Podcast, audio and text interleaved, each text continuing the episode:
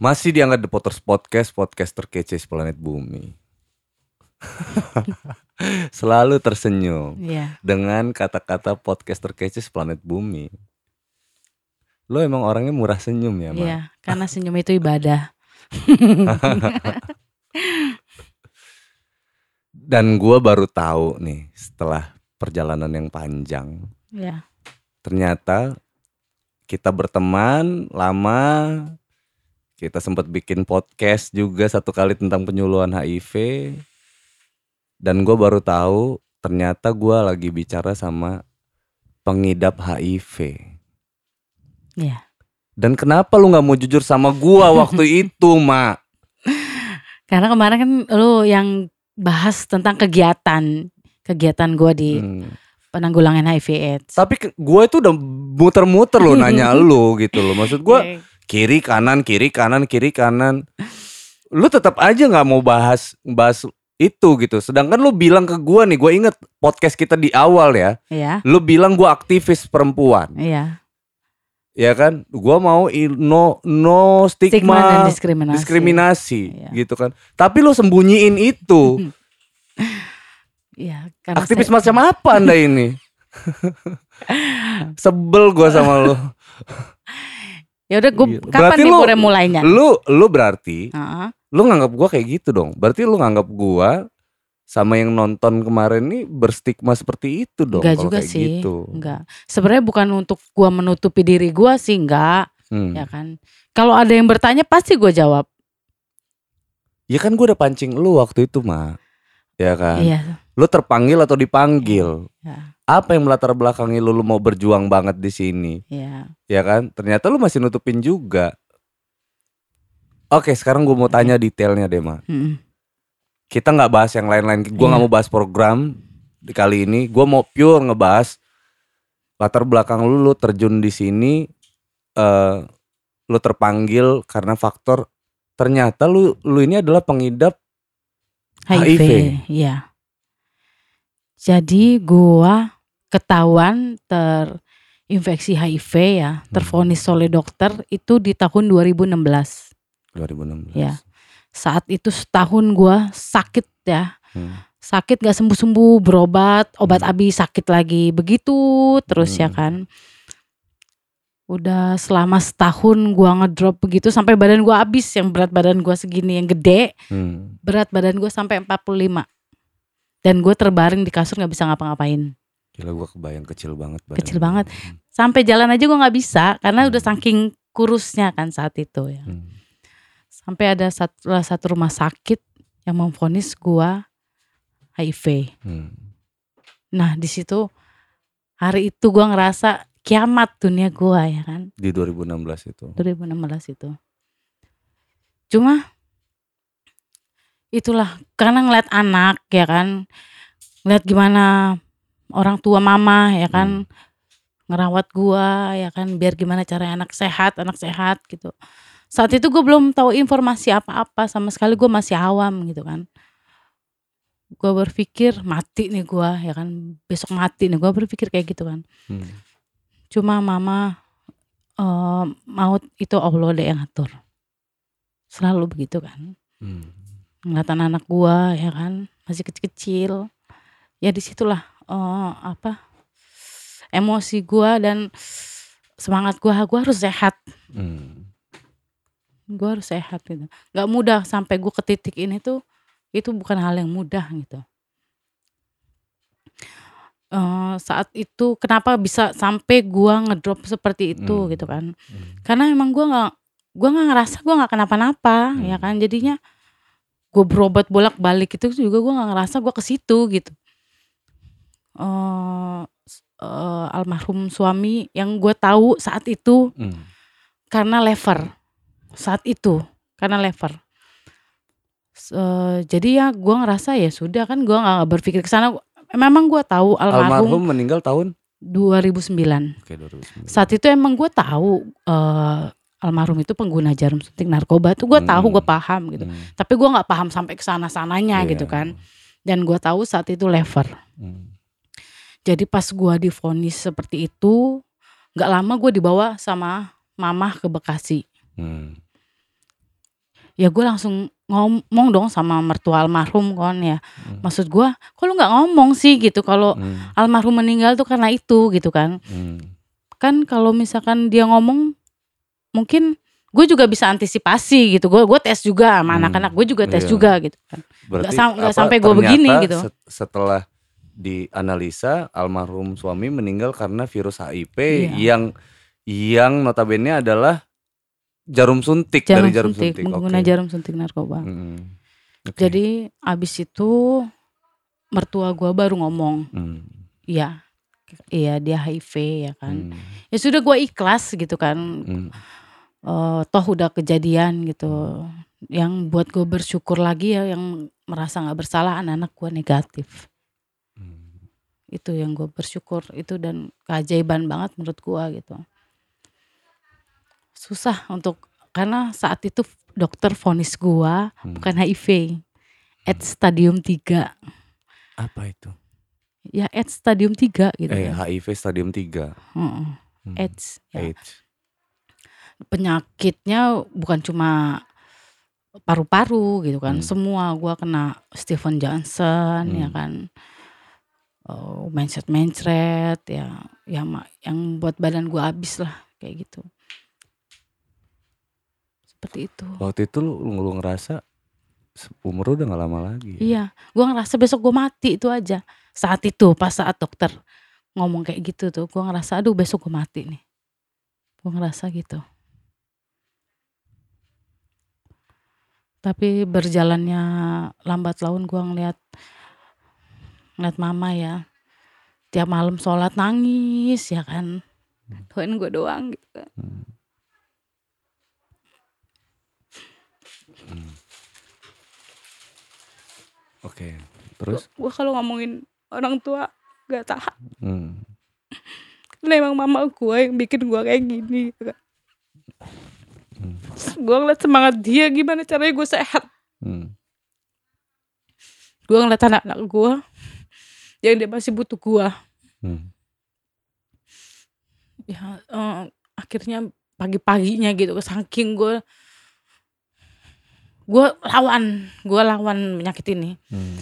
gue harus bangun dari kasur mandi itu gue paksain padahal gue nggak bisa bangun tapi gue harus mandi gue harus makan.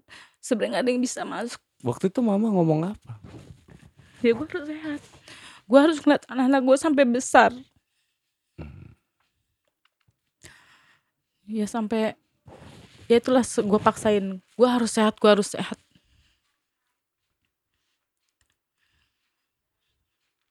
Kata-kata nyokap yang paling lu inget yang motivasiin lu harus kuat itu apa? kamu harus sehat deh Hmm. anak-anak masih butuh kamu Hmm. itu aja sih mama sama anak-anak yang bikin gue sampai sekarang gue masih sehat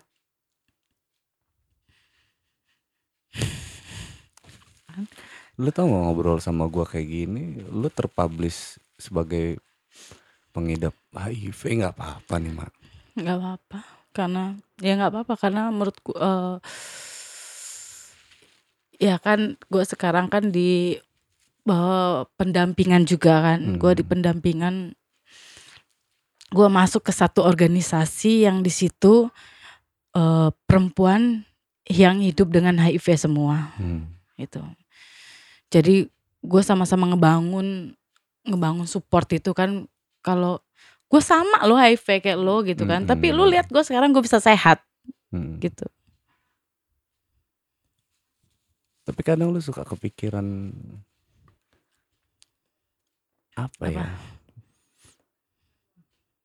Bisa keganggu juga pikiran lu mak. Kadang aduh gimana kalau Enggak, eh, sebenarnya ya itulah balik lagi kan umur kan di tangan Allah kan. iya. Makanya gue yang bisa gue lakuin selama sisa umur hidup gue ini gimana gue bisa bermanfaat buat orang ya buat orang. minimal buat mama sama Oh, mama. keluarga. Ya. Mama tinggal di Bekasi dong berarti. Terima kasih.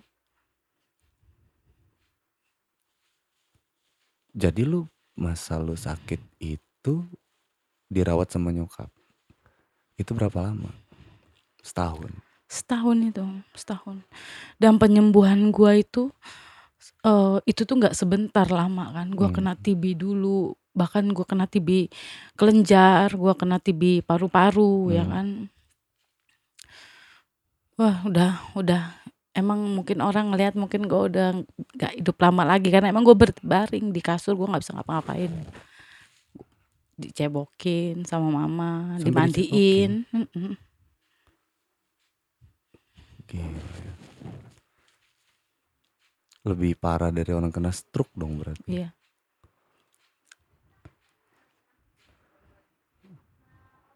Gawat juga ya. Jadi kalau begitu lu lawan setahun itu, lu paksa, lu berdiri, Iya. lu kuat. Siapa an- nama anak lu, Mak? Sif, Oh, Siva. Siva sama Jericho.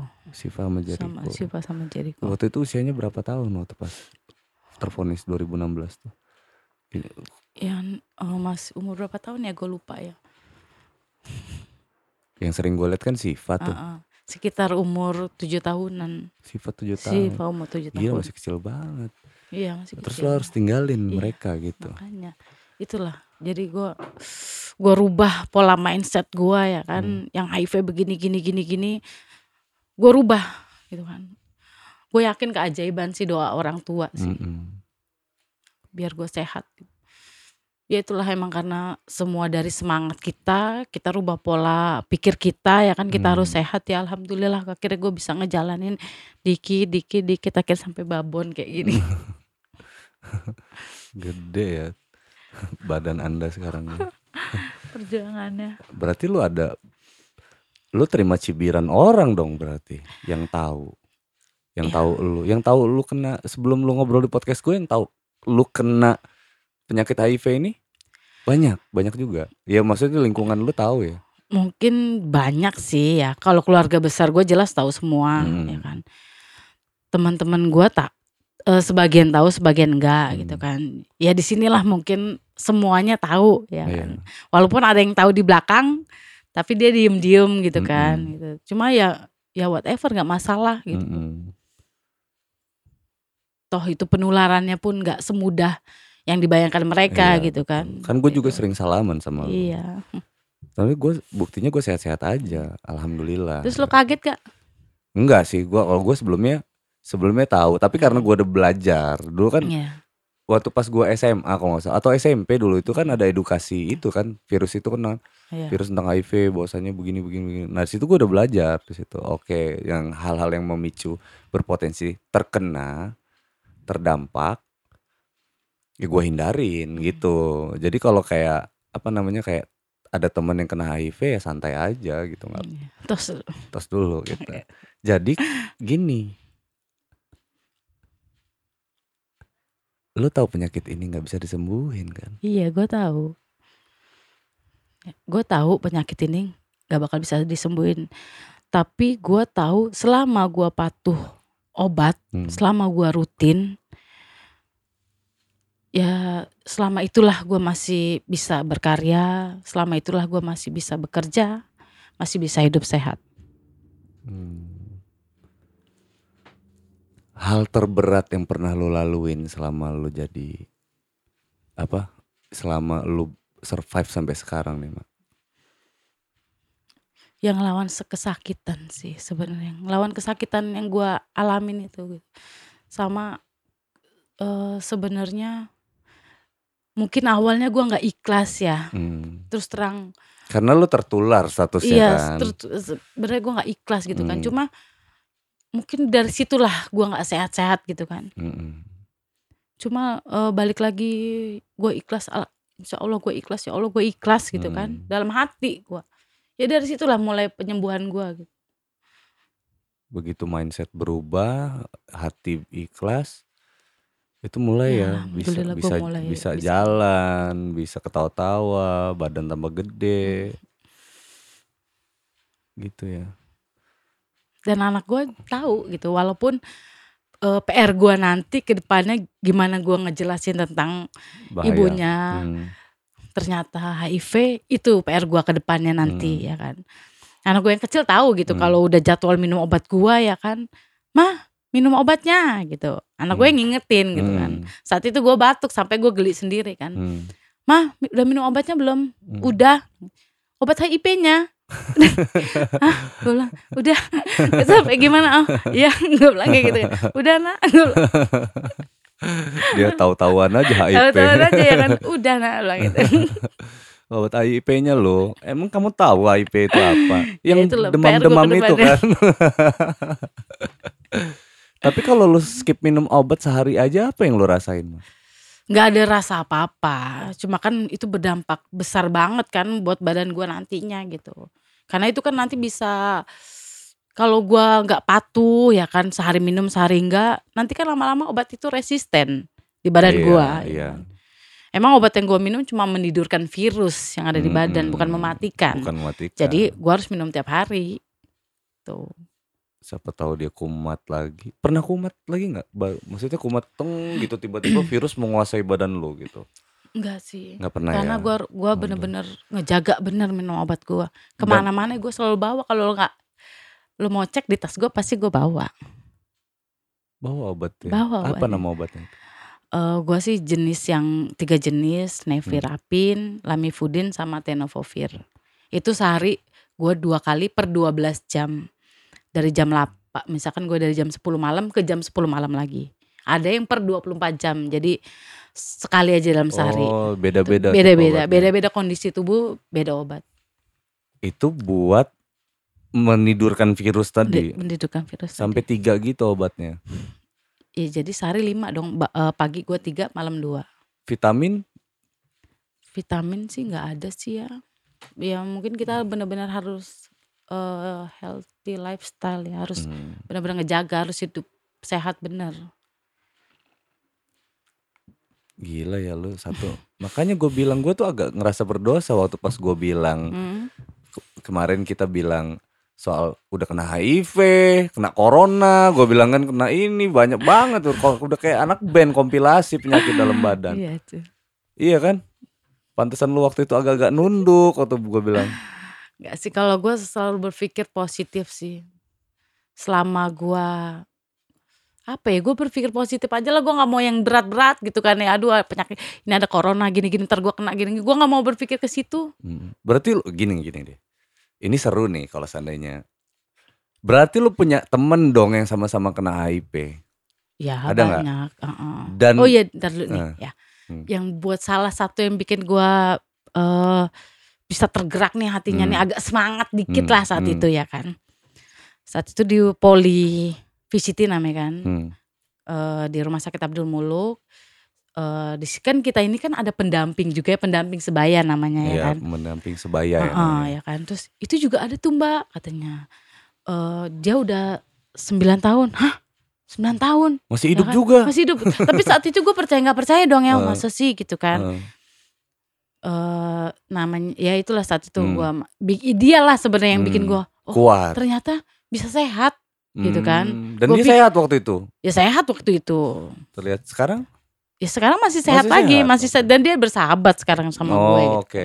dia guru gua Hmm, dia yang jadi guru gua sekarang memotivasi lu. motivasi gua banget Iya, iya, iya. dan gue diajak masuk ke organisasi eh, Ikatan Perempuan Positif Indonesia di situlah. Oh, ada ya ada itu. ya. kita kita mendampingin perempuan-perempuan yang terinfeksi HIV ya Mm-mm. kita membangun semangat dia gimana gimana caranya biar dia sehat ya kan? Dia rubah pola pikir dia. Kalau HIV itu gak bakal bisa sehat dan mati besok gitu kan? Itu kan yang kita bangun sih sebenarnya ke situnya. Ya urusannya apa namanya? Ajal Urusan- tuh urusan Tuhan lah urusan, Allah. iya. Urusan Allah lah. Tapi lu pernah gak sih punya pengalaman sebel gitu sama yang lu edukasi atau lu punya temen yang ngeyel gitu? Lu ada gak temen yang kayak gitu? ngeyel sih enggak sih ya paling kayak gini sih lu kadang banget sih dibilangin gitu misalnya. ya kadang mereka tuh yang Eh. bikin putus obat itu tuh lagi-lagi karena pasangan gitu. Entah ditinggalin pasangan yang ngerasa udah putus asa males lah gua minum obat lah. Yang kayak gitu kayak gitu sih. Oh depresi. ya ada pernah dampingan gua ya kan. Hmm. ya itulah sama kayak gua saat itu di 2016 Mm-mm. dia benar-benar nggak bisa ngapa-ngapain sama sekali. Dan ditinggalin suaminya dengan alasan ya dia udah HIV ya kan. Ngapain lagi gue gitu kan. Wih di situ emosi gua ini banget. Muncak banget muncak ya. banget gue sampai ngomong tuh mbak lu harus sehat ya kan lu harus cantik Hmm. lu harus kayak gua gue bilang kayak gitu Hmm. Bi- buat laki lo minta balikan lagi sama lo Hmm. orangnya udah sehat sekarang Iya dong. Hmm. Sebenarnya kan nggak ada masalah dong berhubungan seks. Ada masalah nggak sih? ya Tertular. nggak ada masalah Ka- karena kalau kita kan di sini kan eh, u sama dengan u Apa itu? Eh, untre- eh, undetectable sama dengan untransmission itu Oke. kalau kan kayak gue nih tiap tahun gue setahun sekali gue eh, mengecek viral load yang ada di tubuh gue mengecek virus Oke. kalau undetect itu itu sudah tidak terdeteksi virusnya dan itu sama Oh. dengan tidak menularkan Oh itu. gitu. Oh. Jadi harus tes itu dulu. Eh, rutin per setahun sekali gitu kalau misalkan setiap tahun kita cek misalkan tahun ini nih kita cek kita undetect Hmm. terus tahun depan eh, ketahuan berapa puluh ribu itu kan ketahuan berarti lu nggak patuh minum obat lo gitu Oh, oke. Pokoknya selama dia apa namanya untuk peng- apa untuk perempuan yang terkena HIV dan dia memiliki suami itu nggak ada masalah dong berhubungan seks berarti kan? ya nggak ada masalah kan Asal dia rutin minum obat. minum obat Berarti kalau dia nggak rutin minum obat ada kemungkinan tertular. iya ada kemungkinan tertular Oh dan dan berarti pada saat berhubungan seks dengan pasangan yang terkena HIV itu wajib pakai kondom. Wajib. eh s- sebenarnya sih kan ke sini-sini kan kita kan ada yang U sama dengan U tadi itu Iya. kan ya. Walaupun dokter tetap menyarankan harus pakai kondom. kondom gitu. Mm-mm. Karena kan nggak enak mah pakai kondom mah. Ya makanya. Ya alhamdulillah sih kayaknya sih aman-aman aja ya insya Allah gitu. Mm-mm. Selama kita rutin sih kayak gitu aja. Berarti yang terkena HIV juga harus patuh. Lu Harus masih mau patuh. masih Iya mau Gue masih mau ini. ke mana-mana ya kan. Gue Mm-mm. masih mau cari uang. lu mau, mau dipakai nggak minum obat ya kan kalau nggak minum obat nggak gua pakai lagi Iya, lu, iya. ya kan harus rajin ya harus saling menguatkan harus juga ya pasangan ya. menguatkan. Iya. tapi terpukul juga mak mental pasangan kita sebenarnya Iya. bener kan itu nggak bisa Bener. dibohongin tapi jarang juga ketemu pasangan yang asik banget maksudnya yang Bisa bener-bener nerima kita open minded adanya. open Oh, minded itu susah sih mah Iya. gila ya pengalaman lu ya boleh juga ya Boleh apa? terus lu ngelaluin masa-masa sulit sampai sekarang itu happy aja lah ya Ya lu ngeliat udah happy-nya sih. Iya. Sekarang udah happy-nya gue udah udah berpikir ya itulah ngerasa ya inilah yang harus gue lakuin di sisa umur hidup gue kan gimana caranya gue bisa bermanfaat buat orang itu aja lu tau gak mah lu ngobrol lu mengakui kejujuran lu Hmm. sekarang hari ini Mm-mm. Saat lu dilihat temen-temen nih lu jadi apa namanya sosok yang benar-benar bermanfaat sebetulnya gitu. Lu terkena ternyata nih lu turun ke masyarakat untuk berjuang untuk memutus mata rantai HIV Mm. itu karena lu terpanggil karena lu sendiri adalah pengidap penyakit itu gitu loh seperti itu. Gitu. Ya kan Iya. ternyata begitu. Supaya orang supaya nggak kena penyakit ini supaya orang nggak kena penyakit ini. Kan banyak nih orang datang gue pikir kan waktu pas lu kita podcastan di awal lu itu adalah petugas NGO yang Hmm. mensosialisasi mengedukasi iya. itu. Dan lu aman aja gitu loh. Dan lu dianggap pasti lu dianggap remeh sama orang-orang gitu loh ya kan ah ini mah petugas-petugas apa? Dan jawaban lu waktu itu aman-aman aja mah ya kan? Eh gua nggak tahu gua kan cuma jalanin tugas lu Iya. bilang kan kayak gitu. Tugas gua begini begini begini begini. Lu tertutup banget waktu itu. Dan kalian belum terpanggil kok untuk kejujuran ya kan? Jujur itu penting mah iya benar. Ya kan? Karena emang kejujuran itu juga eh, apa sih namanya untuk penyembuhan kita sendiri sih. Iya. semakin gua jujur akan diri gue sendiri itu gua ngerasa semakin gua akan sehat terus Mm-mm. gitu Oke, sekarang lu mau nyampein apa buat perempuan-perempuan Indonesia? Nah, sekarang kita lebih melebarkan inilah. Mm-mm. Kan ha- hashtag gue tuh kadang suka cinta Lampung, cinta Indonesia, ya kan. Mm-mm. Nah, buat perempuan-perempuan muli-muli Lampung dan muli-muli Indonesia ini apa mak supaya mereka nggak terkena gitu. Lu coba lu himbau deh ya kan, karena lu punya pengalaman yang begitu pahit. Gue lagi ngobrol sama orang yang serius banget nih. Lu Mm-mm. kena nih mak, ya kan. Lu Mm-mm. kena HIV gitu. Mm-mm. Kan itu juga jadi nasihat juga buat gua mak apa yang lo Ya. omongin. Silakan mak. ya di sini gue pengen ngasih tahu emang siapa pun nggak tahu kalau kita nih bakal kena HIV entah dari siapa pun dari apa pun itu kan ya salah satu cara supaya kita tahu HIV kita harus tes cuma itu doang karena emang gak ada gejalanya kecuali kalau sudah sampai drop tes HIV dan yang kalau perempuan-perempuan yang sudah terinfeksi HIV ya harus semangat, kuat, lu pasti sehat.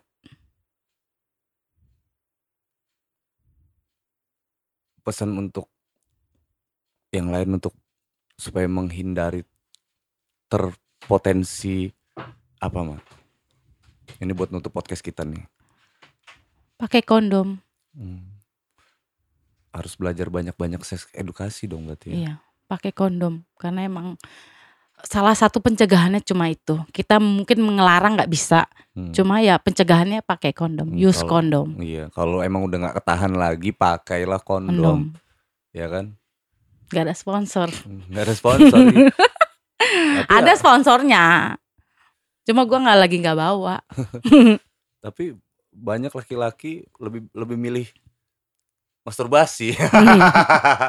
Oke Mbak Esti, thank you banget ya. Semoga lu sehat terus. Ya, Gue doain lu harus kuat ya Mbak. Ya, Buat teman-teman yang nonton podcast ini yang terdampak juga, gue berharap kalian harus kuat. Ya. Karena pikirin ya hidup harus ada manfaat buat orang lain. Kalau memang ini memang ini sisa hidup, ya hidup sisa sisanya ini sekarang ya, ya bawa manfaat lah buat orang lain. gitu kan. amin. Nggak cuman nggak cuman buat orang yang sakit doang mak, ya Iya, kan? Iya, Buat yang sehat Iya, juga dong. iya. Jadi, jangan mentang-mentang lu Jangan. sakit terus lu baru bermanfaat. iya benar. Ya justru karena lu sehat lu harus Ya, bermanfaat. ya, Ah, yang semoga kan bisa mengedukasi buat semuanya ya kan. Mm-mm. Informasi ini sampai ke mana aja. betul. Ini sampai keliling dunia. Lu jangan pernah lupa kalau ini podcast terkece seplanet bumi. Oke. Oke, thank you banget ya. Bye Esti, thank you banget atas kejujurannya guys. Bye. Oke, pecah sih. Habis itu pasien selanjutnya Henry.